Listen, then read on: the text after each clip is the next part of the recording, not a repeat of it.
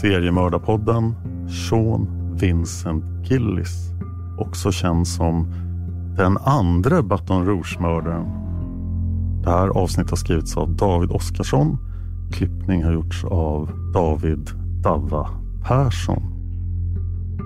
Innan jag tar er med till seriemördarepidemin i Baton Rouge runt millennieskiftet så måste jag prata lite om finansieringen av den här Gratisfiden av Seriemördarpodden.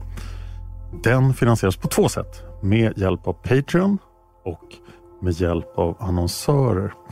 Om du är intresserad av att annonsera i Seriemördarpodden eller om du har några bra tips på sponsor ska du kontakta Adam Hogbring på Nent. Hans e-mail är adam.hogbring.nentgroup.com Det här är det första avsnittet i den första serien en metaserie. För Baton Rouge vid millennieskiftet led av en epidemi av seriemördare. Det finns minst två till seriemördare som vi ska ta upp. De kommer att komma under 2020 i Seriemördarpodden Premium. Jag kommer nämna dem i det här avsnittet. Först en varning. Det här avsnittet av Seriemördarpodden kommer att innehålla sexuellt och dödligt våld mot kvinnor i flera olika åldrar, men ingen är under 18. Innehåller också särskilt obehagliga detaljer kring styckning av de här kvinnorna. Känsliga lyssnare ombeds av manusförfattaren stänga av och lyssna på någonting annat.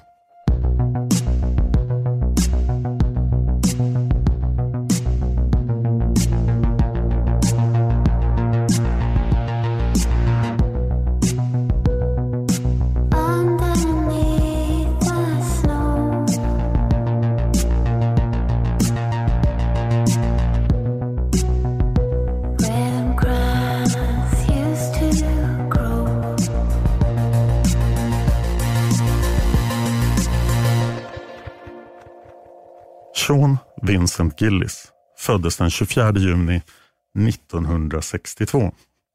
Hans föräldrar var Yvonne och Norman Gillis i Baton Rouge i delstaten Louisiana. Stor-Baton Rouge har 834 000 invånare 2017. Själva staden har cirka 222 000 invånare. Det är alltså en stad i Malmös storlek ungefär. Men med ett vidsträckt nätverk av förorter och kringstäder runt Baton Rouge. Baton Rouge är också huvudstaden i Louisiana som ligger allra längst söderut på den amerikanska kontinenten längst Mississippifloden. Det är alltså i sydstaterna. Om man åker ner för Mississippi från Baton Rouge så kommer man till New Orleans. Det finns en ångbåt man kan ta. Det ska vara väldigt trevligt. Yxmannen i New Orleans var alltså precis i närheten av det här. Journalisten Anna Garcia har för sajten truecrimedaily.com skrivit följande ingress. Baton Rouge, Louisiana, en sydstatsstad med en mörk och gotisk historia. En epidemi av seriemördare fick dess invånare att ständigt se sig om över axeln mellan åren 1994 och 2003. Det här är inte en överdriven beskrivning. Bland de andra kända seriemördarna som härjade under denna period i Baton Rouge kan man nämna Ronald Dominic, även känd som The Bayou Strangler, alltså träskstryparen, och Derek Todd Lee som fick det mindre fantasifulla namnet Baton Rouge Serial Killer, alltså seriemördaren i Baton Rouge. Det här är seriemördare som kommer få sina egna avsnitt i år på Seriemördarpodden Premium. Men vi kommer även att prata om dem i det här avsnittet. Nu tillbaks till Sean Vincent Gillis och hans föräldrar. Vid tiden för Seans tillkomst jobbade pappa Norman som dörrförsäljare. Han sålde uppslagsverk och mamma Yvonne arbetade med trafikrapportering för den lokala tv-kanalen WBRC TV. Kort efter att Sean hade fötts blev pappa Norman omhändertagen och inlagd på den psykiatriska avdelningen på East Louisiana State Hospital i Jackson. Norman hade problem med alkoholism och psykisk ohälsa. Vi vet tyvärr inte exakt vilken sorts psykisk ohälsa utan kan bara spekulera i att ett barn var mer än vad Norman klarade av i sitt problematiska tillstånd. Norman experimenterade med olika droger för att må bättre. Men det hjälpte inte. Incidenten som fick pappa Norman tvångsomhändertagen och inlagd var när mamma Yvonne en dag kom hem från jobbet. Och Då satt Norman där med en pistol riktad mot lille Seans huvud. Han hotade med att skjuta ihjäl både sin son och sin fru. Han mådde uppenbart inte alls bra psykiskt. Det kan ha varit så illa att han hade vanföreställningar.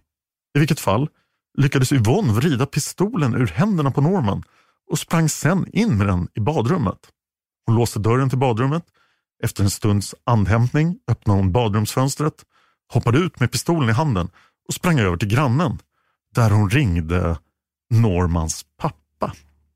När pappan hade kommit, alltså Seans farfar, och lett sin förvirrade son ut ur huset sprang Yvonne in igen och lyfte upp lille Sean i sina armar. Pappa Norman kom ut från psykvården efter bara en månad. Men det innebar inte att familjen Gillis kunde bli hel igen.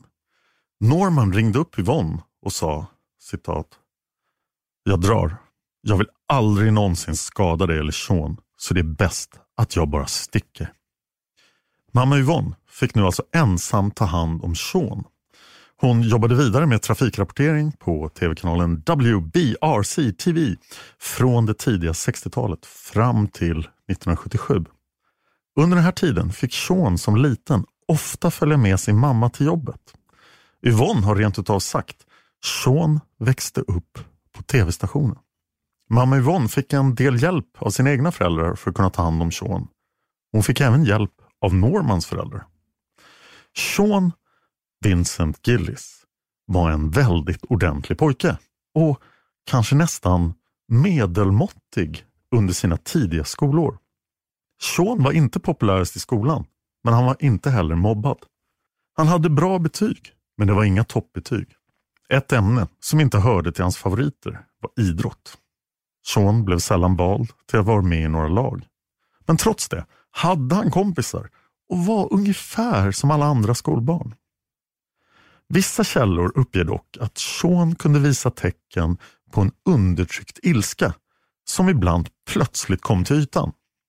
Det är specifikt en händelse som alltid återkommer i källorna men det förvirrande är att vissa av dem omnämner denna händelse som någonting som skedde i hans barndom medan andra källor menar att det var någonting som hände när han var vuxen i sena 20-årsåldern. Det handlar om en granne vid namn Carolyn Clay som en natt, ungefär vid 03-tiden, ska ha hört en massa oväsen utanför sitt hus. Hon hörde ett fruktansvärt och burkigt dunkande. När hon tittade ut genom fönstret kunde hon se att grannpojken, alltså Sean, stod och boxade med nävarna på ett par soptunnor. Ungefär som om de hade varit boxningssäckar. Vi kommer återkomma till den här incidenten längre fram och återge den på samma sätt som de källor som menar att det här var någonting som hände när Sean var vuxen. Det kan ju vara så att det här beteendet faktiskt var någonting som inträffade både när Sean var yngre och äldre. Sean bodde kvar i sitt barndomshem i området Lee Drive i Baton Rouge väldigt länge, till och med längre än sin mamma. Sean gick grundskoleutbildningen på St. Anthony Elementary School. En av hans bästa vänner från den här tiden, John Green, har sagt följande om Sean, citat. Sean var ett väldigt ordentligt barn. Han var annorlunda, han tänkte utanför ramarna och han var smart. Han hade väldigt mycket mer innanför pannbenet än de flesta. Han brukade komma till skolan med en portfölj som det satt ett Star Trek-klistermärke på. Och han lärde mig att spela schack. Vi var likasinnade och vi hade många lektioner tillsammans. Sean var väldigt respektfull mot äldre och dessutom väldigt hjälpsam. Om någon i skolan behövde hjälp med någonting så var Sean framme på studs. Om han provade att göra någonting, vad det än var, så lärde han sig väldigt snabbt. Sean var extremt snabblärd och han hade ett fantastiskt sinne för humor. Sina high school-år spenderade Sean på Redemptorist High School i Baton Rouge i Louisiana. Mamma Yvonne tyckte att en bra utbildning var viktig, så hon betalade för att Sean skulle få gå på just den här skolan. En lärare från den här tiden menar att Sean var en skötsam kille som aldrig ställde till med några som helst former av rackartyg. Däremot verkade Sean synnerligen ensam när det var aktiviteter där skolans elevers föräldrar skulle vara med var Sean alltid ensam. Han var det som flera engelska källor benämner som latchkey kid. På svenska skulle vi nog kalla det för nyckelbarn. Läraren säger, han fick nog ta hand om sig själv rätt mycket och han hade dålig självkänsla också. Det råder inget tvivel om. Men vi måste komma ihåg att Yvonne var en mamma som brydde sig. Hon kanske rent utav brydde sig för mycket. Om Sean verkade övergiven var det bara för att hans mamma slet som ett djur för att få ekonomin att gå ihop. De två hade en väldigt nära relation. Mamma Yvonne har bland annat sagt följande. Sean var ett barn som beundrade sin omvärld. Han var väldigt respektfull. Jag brukade tänka att han var mitt lilla geni, men en av hans lärare sa att han bara var ett medelmåttigt barn. Det lästes väldigt mycket i Seans barndomshem. Mamma Yvonne var en hängiven bokfantast och hon introducerade Sean tidigt till stora författare som Mark Twain, John Milton och Charles Dickens. När Sean blev äldre blev han, som så många andra jämnåriga, besatt av tv-serien Star Trek. Han var även förtjust i ormar och han tyckte även om att bygga modellbilar. En av hans stora idoler var under en period den berömde stuntmannen Evil Knievel, en amerikansk ikon som gjorde sig känd för sina helt makalösa hopp med motorcykel. Fascinationen av Star Trek som Sean närde i unga år skulle aldrig riktigt gå över. Han fortsatte vara en trekkie. Det är det man brukar kalla hängivna Star Trek-fans. Och faktum är att det här skulle påverka hans framtida kärleksliv. Och inte som ni tror. Att Sean Vincent Gillis var en trekkie är inte någonting som framgår om man googlar på honom eller läser vilken överskådlig profil om honom som helst. Men i till exempel dokumentärserien Monster in my room. Den går att se online och vi kan ge en länk till den Hey, I'm Ryan Reynolds. At Mint Mobile, we like to do the opposite of what Big Wireless does. They charge you a lot, we charge you a little. So naturally, when they announced they'd be raising their prices due to inflation, we decided to deflate our prices due to not hating you. That's right. We're cutting the price of Mint Unlimited from $30 a month to just $15 a month. Give it a try at mintmobile.com slash switch. $45 upfront for three months plus taxes and fees. Promo rate for new customers for limited time. Unlimited more than 40 gigabytes per month. Slows. Full terms at mintmobile.com. på Seriemördarpoddens Facebook om ni ber oss. I Monster in my room går att se foton på Sean när han poserar iförd den röda Star Trek-uniform som William Shatner gjorde ikonisk i sin roll som Kapten Kirk.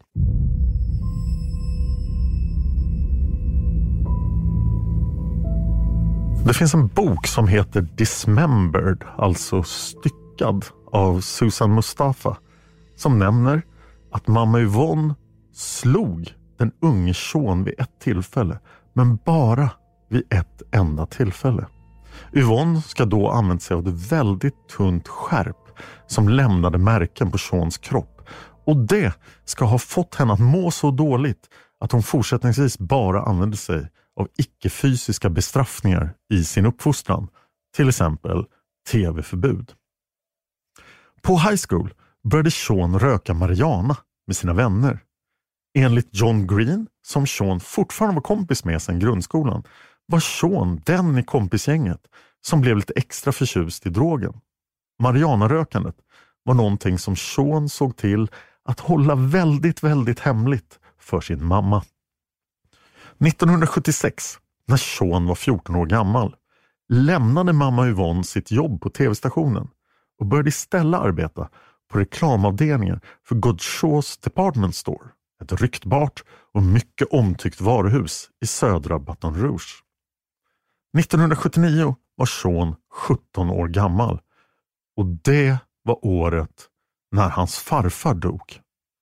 Både mamma Yvonne och Sean hade fortsatt ha kontakt med Seans farföräldrar efter att pappa Norman hade lämnat dem. Farfan, Normans pappa, som var den som hade lett sin son ut ur hans dåvarande hem efter att han hade pistolhotat Sean, hade alltid varit bestämd med att han inte skulle överge Yvonne och Sean bara för att hans son hade gjort det. Men nu, när farfar hade dött, kontaktade Yvonne Norman och berättade det för honom. Hon hade alltså bättre kontakt med Normans pappa än vad Norman hade. Det kan ju låta lite konstigt, men faktum var att Norman hade levt ett kringflackande, nästan nomadiskt liv med många besök på olika psykiatriska vårdinrättningar. Norman hade dessutom hunnit gifta om sig och skilja sig en gång till. Just i detta tillfälle såg dock saker och ting ljusare ut för pappa Norman än på länge. Han arbetade som ansvarig för patienttransport på Stanford Hospital i Palo Alto i Kalifornien. I samband med Seans farfars död och begravning återförenades han och hans mamma med pappa Norman. De blev inte den familj de från början hade tänkt att bli tillsammans. Men Norman och Sean, som alltså inte hade setts på över 16 år, lyckades faktiskt utveckla en för båda givande far och sonrelation. Norman hyrde ett rum i New Orleans och hade då nära till Baton Rouge och därmed till Sean och Yvonne. När Sean gick ut high school 1980, 18 år gammal, var pappa Norman närvarande vid examinationsceremonin. Detta var dessvärre ett firande som skulle mynna ut i elände. Norman behövde hålla sig undan alkohol på grund av sin psykiska ohälsa. Men efter Seans examinationsceremoni var Norman på festhumör och bestämde sig för att gå ut och dricka några öl. Norman blev väldigt berusad och han mådde inte alls bra dagen efter. När informationen om Normans fylleslag nådde Seans morbror, alltså Yvonnes bror, som råkade vara katolsk präst, såg morbrorn till att skicka Norman på bikt i kyrkan. Där blev Norman ombedd att bota sina synder genom att läsa Jakobsbrevet i Nya Testamentet. Den påföljande dagen, som då alltså var två dagar efter fyllenatten, bestämde sig Norman för att dricka igen. Han tyckte att han hade förtjänat det. Han hade ju varit i kyrkan och allt. Men tragiskt nog var det denna enda öl två dagar senare som skulle få Normans mentala hälsa att tippa över. Medan Norman satt och drack och såg ut genom fönstret fick han plötsligt syn på en man i en bur som var en del av en cirkuskaravan. Norman gick ut till mannen i buren och erbjöd honom en klunk whisky om han kunde bita huvudet av en kyckling. Det här är allt källorna uppger, men det finns en förklaring till att det är så konstigt och osammanhängande. Norman hade inte alls varit med om det här. Han hade fått en kraftig hallucination. När han kom ut ur hallucinationen ringde han genast till anonyma alkoholister. Vi kan anta att Norman hade kontaktpersoner där, för två män kom genast i bil och hämtade honom. Han kördes sedan till intensiven på Baton Rouge allmänna sjukhus. När Norman låg inlagd på sjukhuset ringde han upp Sean och bad honom om en tjänst. Norman hade ju hyrt ett rum i New Orleans och han var nu rädd att han skulle förlora sina tillhörigheter som han hade i rummet medan han låg inlagd på sjukhuset. Kunde Sean möjligtvis åka dit och hämta dem åt honom? Det kunde han. Sean åkte dit tillsammans med sina vänner John LeBlanc och John Green som vi har fått höra om och ifrån tidigare. Och här kommer John Greens ord igen. Så citat John Green. Rummet som Seans pappa hyrde var i French Quarter, den äldsta delen av New Orleans. Jag hade aldrig varit där förut. Det var en massa män där. Några gick förbi oss och en av dem hade en t-shirt med texten Gay is the way. Och det chockade mig. Den uppmärksamma lyssnaren kanske noterar att French Quarter alltså var den del där yxmannen i New Orleans härjade som värst. När de väl kom till Normans rum började de packa ihop sakerna som han hade bett om. Och det var då Seans vänner upptäckte någonting som fick dem att haja till. På nattduksbordet låg en handfull fotografier. Fotografierna föreställde nakna män i sexuellt utmanande positioner. John Greens ord igen, citat. Det var motbjudande. Jag var homofob då och jag kunde inte tro på det jag såg. Sean bara stod där och såg helt chockad ut. Jag vet att han höll väldigt starka känslor inom sig. Han gjorde en grimas och skakade av sig det hela. Men jag vet att Sean var upprörd på insidan. Norman fick sina saker och blev kvar på sjukhuset i cirka 30 dagar. När han kom ut därifrån begav han sig genast tillbaka till Kalifornien utan att säga någonting till varken Sean eller Yvonne. Han förstod att Sean rimligtvis hade sett bilderna i hans rum. Norman var orolig och skämdes. Väl tillbaka i Kalifornien började han besöka anonyma alkoholister regelbundet. Han lovade att han aldrig skulle dricka en droppe igen efter den där sista hallucinationen som han hade fått. När det hade gått ett tag skrev han till Sean och Yvonne och bjöd in dem att komma och hälsa på honom i Kalifornien. Men Sean och Yvonne svarade aldrig på hans brev. Norman kämpade med sin sexualitet. Han började läsa Bibeln och han bad Gud om att han skulle ta hans citat sjukdom slutcitat ifrån honom.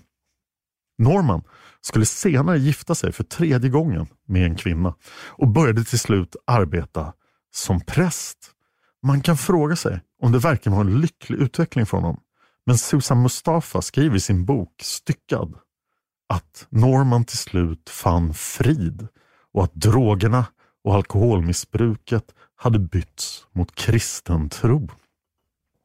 Frågan är bara om Norman någonsin kom till ro med sin egen sexualitet. Sean och mamma Yvonnes liv var nu som vanligt igen. Då skolan var över för Seans del började han ta olika småjobb, bland annat som nattarbetare på 7-Eleven. Han uppvisade inga större ambitioner. Han utvecklade dock ett nytt intresse som kom att uppsluka hela hans liv. Datorer. Sean hade en persondator långt innan de flesta och han tog kurser på ett så kallat community college i datorkunskap. Han klarade samtliga kurser med lysande betyg. Sean hade i bakhuvudet att han tänkte skaffa ett jobb när han fick användning för sina kunskaper med datorer. Men det blev liksom aldrig av. Sean fortsatte bara bo hemma hos sin mamma och ägna sig åt sina intressen. Mamma Yvonne hade ingenting emot det då hon genom sin son alltid hade sällskap. Tillsammans med dem bodde nu även Seans katt Heather. Det är oklart exakt när katten införskaffades men Heather skulle vara betydelsefull och vara med Sean länge i hans liv. I ett senare brev till sin, ja, en person vi inte har introducerat än, så kallar Sean katten för Heather Lia. Det är oklart, det kan vara så att katten faktiskt hade två namn.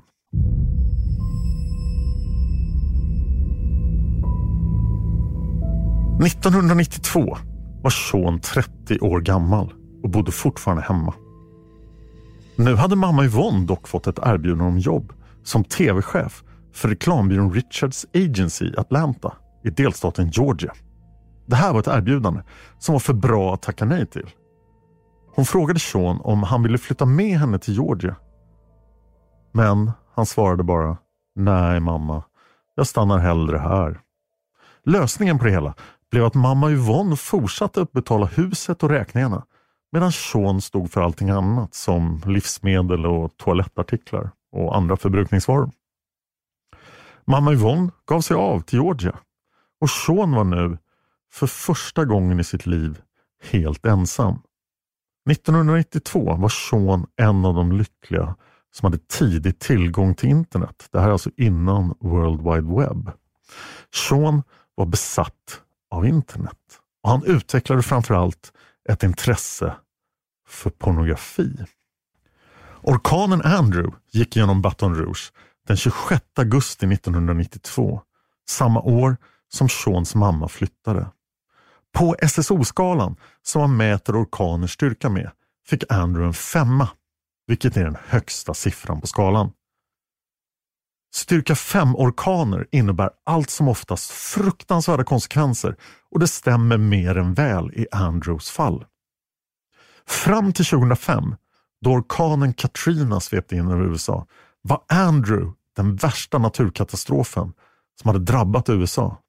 Andrew gick igenom södra USA, framförallt Bahamas, Florida och Louisiana. Det finns olika siffror på hur många som omkom till följd av orkanen. Men engelska Wikipedia listar 65 dödsfall medan svenska Wikipedia endast listar 39. De flesta dödsfallen var i alla fall i Florida och där blev även över 200 000 människor bostadslösa. När Andrew nådde Louisiana hade dess styrka gått ner till en Hey, I'm Ryan Reynolds. At Mint Mobile, we like to do the opposite of what Big Wireless does. They charge you a lot, we charge you a little. So naturally, when they announced they'd be raising their prices due to inflation, we decided to deflate our prices due to not hating you. That's right. We're cutting the price of Mint Unlimited from $30 a month to just $15 a month. Give it a try at mintmobile.com slash switch. $45 upfront for three months plus taxes and fees. Promo rate for new customers for limited time. Unlimited more than 40 gigabytes per month. Slows. Full terms at mintmobile.com. rea på SSO-skalan. Men den var fortfarande tillräckligt stark för att ödelägga fler byggnader. Nära tusen byggnader totalförstördes. 23 000 byggnader skadades. Den kostade 17 människor i Louisiana livet. Seans bostad var en av dem som endast drabbades av en lättare översvämning. Sean brydde sig inte alls om orkanen Andrew. Saker fick ligga och flyta i vattnet medan Sean satt kvar vid datorn och tittade på porr. Hans mammas böcker låg där och flöt i vattnet Men han struntade i det fullständigt. Och just precis här mördade förmodligen Derek Todd Lee sitt första offer i Baton Rouge. Orkanen Andrew hjälpte Derek Todd Lee att dölja teknisk bevisning, men det ska vi prata mer om i avsnitten om honom. Sean började röka mer och mer marijuana. Den tidigare nämnda grannen Carolyn Clay, hon som såg Sean slå på soptunnorna, har berättat följande. Citat.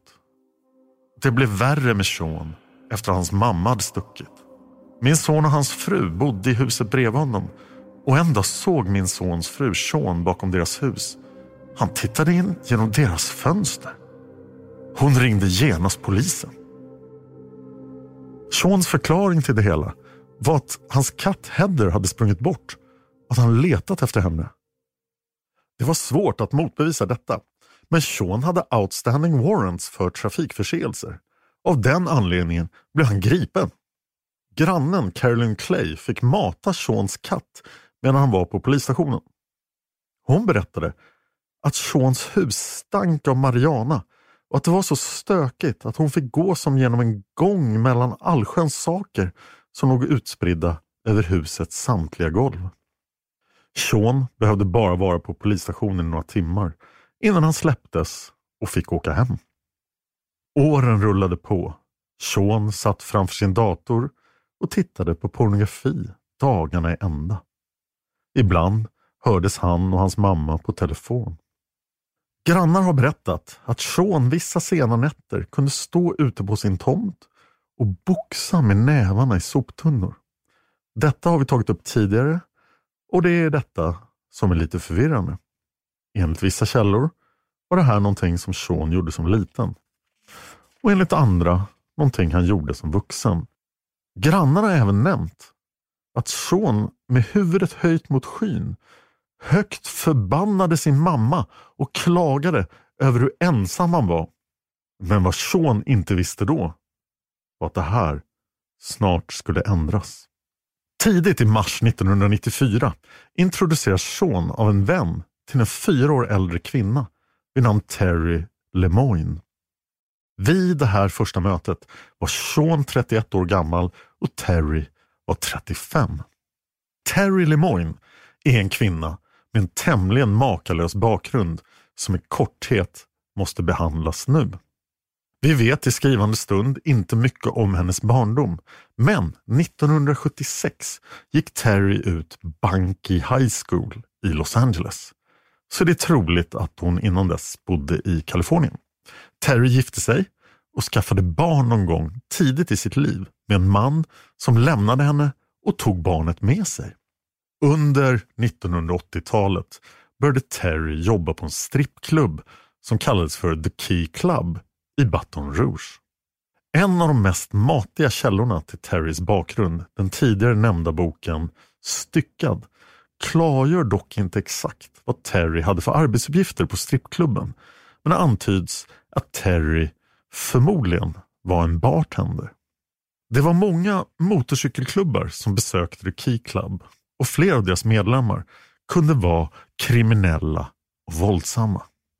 Den 13 mars 1987 såg Terry hur en motorcykelkille kom in på klubben och började bråka med en av dansöserna. Bråket blev allt mer hätskt och motorcykelkillen slog till dansösen. Då gick Terry fram till dem. Hon sa åt dansösen att söka skydd i omklädningsrummet och gav sedan motorcykelkillen en verbal uppläxning. Han uppskattade inte det alls. När Terry började gå därifrån tog motorcykelkillen upp en biljardkö och slog den så hårt i ryggen på Terry att den gick av. Och det skulle han inte ha gjort. Terry reste sig från golvet medan hon sa Är du helt jävla dum i huvudet? Hon tog upp en av bitarna från den avbrutna biljardkön och gick fram till motorcykelkillen. Hon slog honom med den upprepade gånger så att blodet sprutade och hon fortsatte slå honom i fullständigt raseri medan han låg hjälplös på golvet.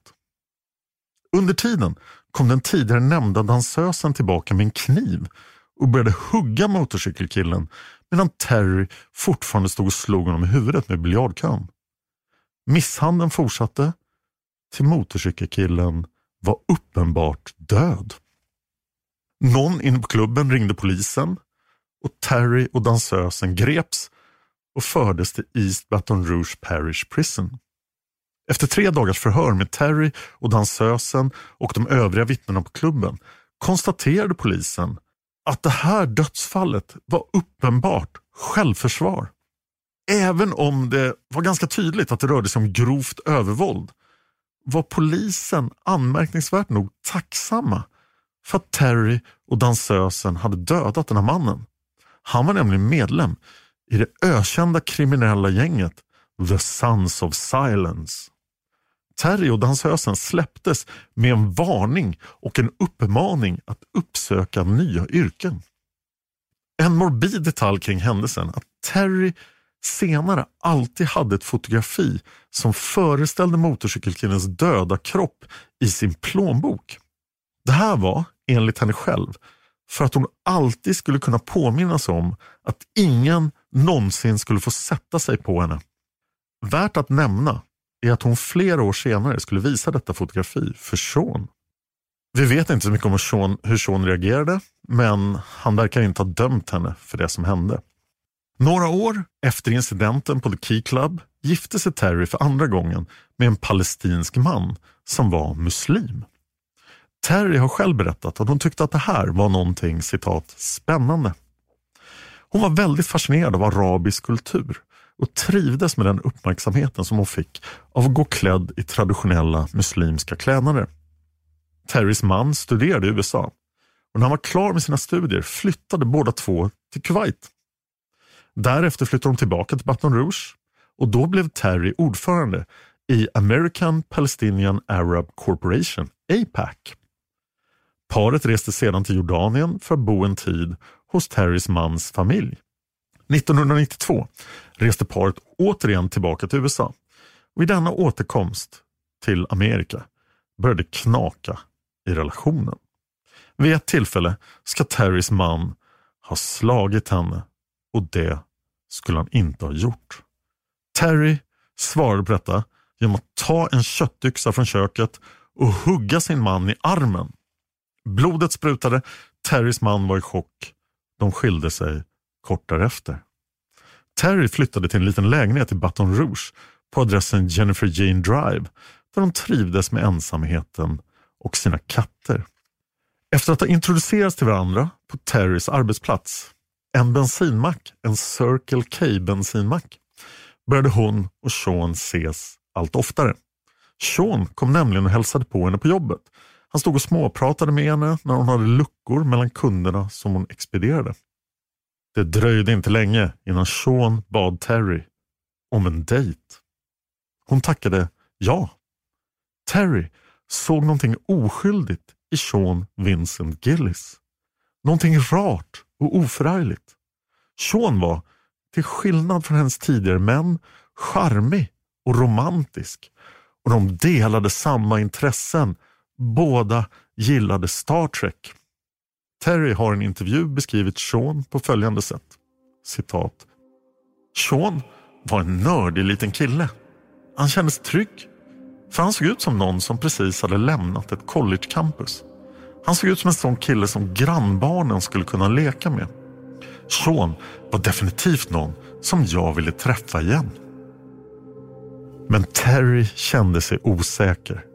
Hon ville inte gå in i ytterligare ett förhållande som säkert skulle sluta med våld och otrygghet. Hon bestämde sig därför för att hon skulle testa Sean. Under en av deras träffar, mitt i ett milt gräl, klippte Terry till Sean för att hon ville se hur han skulle reagera på det. Hon ville testa honom och se om hon verkligen befann sig i ett tryggt förhållande. Sean stod där, såg häpen ut efter smällen, stampade med foten i golvet och sa Flickor ska inte slå pojkar och pojkar ska inte slå flickor. Det är bara så det är. Tårarna rann från Seans ögon. Han sprang ut ur rummet. Terry har senare sagt citat. Det var då jag visste att jag var i ett tryggt förhållande. Då förstod jag att Sean var en man som jag skulle kunna spendera resten av livet med. Sean och Terry inledde en relation. En lycklig relation som skulle vara i hela tio år. Men den skulle förstås inte vara utan sina upp och nedgångar. När de två bestämde sig för att flytta ihop och bo i Sean och hans mammas hus höll Terry på att få en chock när hon såg hur det stod till med hemmet. Det var smutsigt och stökigt. Det låg möglande tidningspapper utstrött över golven. Sean hade lagt ut de här tidningarna under orkanen Andrew för att suga upp det värsta vattnet. Och de låg fortfarande kvar där. Terry hjälpte Sean att städa och få ordning på allt. Och när de var klara med det kände sig Terry så nöjd med det hela att hon fotograferade den rengjorda interiören och skickade ett brev med bilderna till Seans mamma Yvonne. När Sean och Terry umgicks, åt middag, såg på TV eller gick ut tillsammans var allting bra. Men Terry tyckte inte om att Sean var arbetslös. Det enda han gjorde när han inte umgicks med henne var att sitta framför datorn och plöja sida efter sida på internet. Hon visste att det mesta han tittade på var pornografi. Och Det dröjde inte länge innan Terry skulle inse att det här var någonting som skulle påverka deras kärleksliv. När Terry för första gången närmade sig Sean för sexuellt samkväm blev Sean ytterst nervös och obekväm. De genomförde ett samlag men Sean verkade helt oberörd och ointresserad av det. Terry frågade vad som var fel. Sean ryckte på axlarna och sa äh, Jag är helt enkelt inte så förtjust i sex. Det intresserar mig liksom inte. Är det mig det är fel på? frågade Terry. Tycker du att jag är för tjock? Nej, nej, inte alls, bedyrade Sean. Du är perfekt. Det här handlar bara om mig. Men ju längre deras relation gick började Terry finna spår av att Sean onanerade. Ofta och mycket. Sean hade för vana att ejakulera i kläder och liknande. Till exempel t-shirts som han sen rullade ihop till bollar och lämnade vid sidan av sängen. Terry insåg att det här måste betyda att det fanns en sexuell drivkraft hos Sean. Men det enda som kunde tillfredsställa honom var pornografi. Hon konfronterade honom flera gånger med de spermaindränkta klädbollarna som hon hade hittat i hemmet. Hon kunde komma fram med dem till Sean när han satt vid datorn, vika ut dem och sen lägga dem över hans huvud så att han fick sin egen sperma i håret. Men Sean blev inte arg. Han fnittrade bara och log ett oskyldigt leende Därefter kunde Terry irriterat gnugga t-shirten över huvudet på Sean. Men han reagerade fortfarande inte. Terry bestämde sig för att ta det onda med det goda. Hon och Sean kanske aldrig någonsin skulle få ett bra sexliv men han hade ju en massa andra positiva sidor som vägde upp för det. Allt som allt ska Sean och Terry enligt Terry ha haft samlag med varandra tre gånger under de tio åren som de var tillsammans. Men Seans arbetslöshet var någonting som Terry var fast besluten att göra någonting åt. Terry lyckades ordna ett jobb åt honom på samma bensinstation där hon själv jobbade. Sean gick motvilligt med på det. Deras rutiner skulle därefter bli att Sean jobbade dagtid medan Terry jobbade natt. Varje kväll när Terry skulle jobba natt skjutsade Sean henne till Circle K. Terry kunde nämligen inte köra bil på grund av att hon led av epilepsi och när som helst kunde få ett anfall. Det här var någonting som Sean var mycket förstående inför och Terry har själv sagt att Sean var toppen att bo tillsammans med för han förstod hennes sjukdom och kunde hjälpa henne när hon mådde som sämst. Terry kunde även drabbas av brutala migränanfall. Vad gäller Seans marijuanarökande var det någonting som han fortsatte med under hans och Terrys förhållande. Terry tyckte inte om det, men hon tillät det. Sean drack även stora mängder kanadensisk whisky av märket Crown Royal. Tomma Crown Royal-flaskor var någonting som Terry kunde hitta då och då när hon städade. Men en sak som skulle komma att betyda jättemycket för Terry i sin relation med Sean var att Sean faktiskt ansträngde sig för att återförena Terry med hennes tre barn från tidigare förhållanden. Christine, Katie och Jimmy. Och Sean lyckades med det. Notera att vi tidigare bara talat om ett av Terrys barn. Hon hade alltså två till, men vi vet inte med vilka fäder eller vilket av de tre nämnda barnen som var hennes första. Alltså det barnet som hennes första make tog med sig när han lämnade Terry. Det är också oklart vad Sean gjorde för att hjälpa Terry med återföreningen. Men det antyds i flera källor att Terrys barn alltid hälsade på henne och Sean när det var jul och att Sean, som verkligen älskade julen, alltid såg till att det blev en fantastisk fest. Med Sean utklädd till jultomten. Summa summarum, Sean Vincent Gillis var inte den perfekte sambon. Söp han och rökte han marijuana? Ja. Var han ointresserad av faktisk reell sex? Ja. Var han stökig och odisciplinerad? Ja. Men var han öm och kärleksfull? Ja. Var han rolig och charmig? Ja. Ställde Sean upp när det verkligen gällde? Ja, det gjorde han med råge. Ingen i ett förhållande är givetvis perfekt. De flesta av oss har både sina positiva och negativa sidor, precis som Sean. Men i Sean Vincent Gillis fanns det någonting som inte finns i de flesta. Någonting dolt. Sean hade en mörk sida. En sida som Terry nästan aldrig såg skymten av. Men hon gjorde det vid ett tillfälle. Ett tillfälle som Terry antagligen aldrig kommer att glömma med tanke på vad framtiden senare skulle mynna ut i. En kväll när Terry hade lagat mat och ropade på Sean att han skulle komma så gjorde han inte det. Sean kom nu, ropade Terry. Men Sean dök inte upp. Hon lämnade köket för att leta upp honom och hittade honom såklart där han satt vid datorn. Varför kommer du inte? Maten är klar. Terry, du måste se det här. Kolla! Sean pekade upp på skärmen. Terry trodde inte sina ögon. Hon tappade hakan av ren chock. Sean sa följande med ett barns stolthet. En yngling som precis hade gjort en fantastisk upptäckt. Terry, din hemsida med bilder på döda kvinnor. Sean, det där är lite sjukt, sa Terry. Men Sean bara skrattade. De flesta bilderna på hemsidan var polisfotografier föreställande brottsplatser och mordoffer. Nakna, döda kvinnor i alla möjliga positioner. Den 21 mars 1994 görs ett fruktansvärt fynd på ålderdomshemmet St. James Place. En av de anställda, en kvinna vid namn Joe Ann Stevenson, gick på morgonen in till den 81-åriga kvinnan Ann Bryans rum. Hon hade med sig Anns mediciner. Men Ann Bryan låg död i rummet. Att människor dör på ålderdomshem är tyvärr inget som hör till ovanligheterna. Men Anne Bryan hade inte dött en naturlig död. Och det var uppenbart för Joanne. Anne Bryan låg i en pöl av sitt eget blod på golvet. Nästan varenda yta i det lilla sovrummet var blodbestänkt. Klockan var kvart över åtta på morgonen.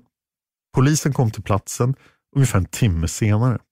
Och när de hade anlänt kunde vidden av det makabra sätt Ann Bryan hade dödats på konstateras. Ann Bryan låg på golvet bredvid sängen men hennes högra ben och fot var fortfarande på sängen. Hennes vänstra hand var knuten bakom hennes nacke. Hennes nattlinne var uppslitet och uppvikt på ett medvetet vis för att exponera hennes könsorgan. Hennes nacke hade skurits på ett så grovt sätt att huvudet nästan hade skilts från kroppen. Där Anns högra bröst skulle ha suttit gapade bara ett stort svart hål. Själva bröstet hängde i skinnslamsor från sidan av hennes torso. Det var anmärkningsvärt lite blod runt bröstet, vilket tydde på att det förmodligen hade skurits av postmortem, alltså efter att Ann Bryan hade dött. Vidare hade hon knivhugg på kinderna och hakan, mellan brösten och i de yttre könsdelarna. Anns mage var uppskuren så att hennes inälvor syntes. Sammanlagt hade Ann knivhuggits hela 47 gånger. Spår som hittades på platsen var bland annat blodiga fingeravtryck och skoavtryck. Ingen av dessa ledde polisen någon vart. Polisen förhörde både personal och boende på St. James Place samt alla grannar i närområdet. Men ingen hade sett någonting och ingen hade någonting att berätta. Efter en kort tid greps dock en misstänkt. Det var William Stevenson, sonen till Joanne Stevenson. Hon som var kvinnan som först hade hittat Anne död. William Stevenson arbetade också på ålderdomshemmet och hade av någon oklar anledning skrutit för sina vänner om att det var han som hade mördat Anne Bryan. Men det var inte alls sant och det fanns inte någonting som backade upp hans obehagliga påståenden. Vad polisen helt missade vid det här tillfället 1994 men som vi idag vet spelade en stor roll var att ålderdomshemmet St. James Place låg mitt emot en bensinstation. En Circle K bensinstation. Den bensinstationen där både Sean Vincent Gillis och Terry Lemoyne arbetade. Den enda som vid det här laget visste vem som hade bragt Ann Bryan om livet var Sean Vincent Gillis. Han visste det för att han var mördaren. Vad hade drivit Sean till detta bestialiska mord? Saken är den att det faktiskt inte finns några givna förklaringar. Där man i vissa fall kan se hur en seriemördare eller någon annan form av våldsbrottsling trappar upp sitt beteende sakta verkar Sean ha gått en dag från att inte ha mördat någon alls till att plötsligt ha begått det här väldigt brutala mordet. Men vad vi säkert vet är att Sean hade utvecklat sina mordiska lustar online. Han satt alltid fastklistrad vid datorn, alltid på jakt efter nya bilder på nakna, döda kvinnor. Kvinnor som hade dött i olyckor, kvinnor som hade dött av mord. Seans besatthet hade nu gått så långt att bara bilder inte längre var tillräckligt för att tillfredsställa honom. Sean ville ha sina döda kvinnor i verkligheten. Och han behövde vara den som tog deras liv. Ann Bryan blev Seans första mordoffer och året var 1994. Det skulle dröja hela fem år Tichons lustar blev för starka för att motstå igen och han behövde döda någon igen. Sean har i efterhand berättat att han kämpade emot och han i vissa fall försökte stävja begären han fick med marijuana och alkohol. Ofta fungerade det här för han blev helt utslagen och somnade. När han sen vaknade några timmar senare hände det oftast att tankarna på mord hade försvunnit. Men Seans tankar på att mörda någon mer kom alltid tillbaka. Seriemördarpodden finns på Facebook. Gå gärna in där för att prata om fallen med mig och med manusförfattarna. Gillar ni Seriemördarpodden gillar ni säkert också Massmördarpodden som finns på Podme. Jag heter Dan Hörning. Jag finns på Twitter och eh, Instagram och jag är lätt att hitta där. Tack till alla som sponsrar Seriemördarpodden på Patreon. Det betyder jättemycket för den här gratisversionen av podden. Tack till Trippnaha för musiken ni hör i början och slutet av varje avsnitt. Låten heter Immune. Den finns på både Youtube och Spotify. Tack till David Oskarsson för det här manuset och tack till dig för att du lyssnar på Seriemördarpodden.